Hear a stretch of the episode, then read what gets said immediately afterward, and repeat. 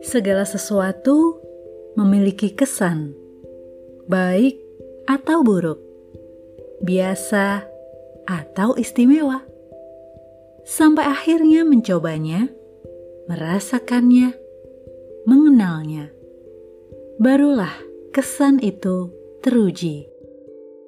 Ada yang sama dengan kesannya, ada yang kebalikannya. Ada yang mengejutkan, ternyata baik, melebihi ekspektasi. Ada yang sebaliknya, mengecewakan. Pada akhirnya, baik atau buruk, itulah proses pengenalan.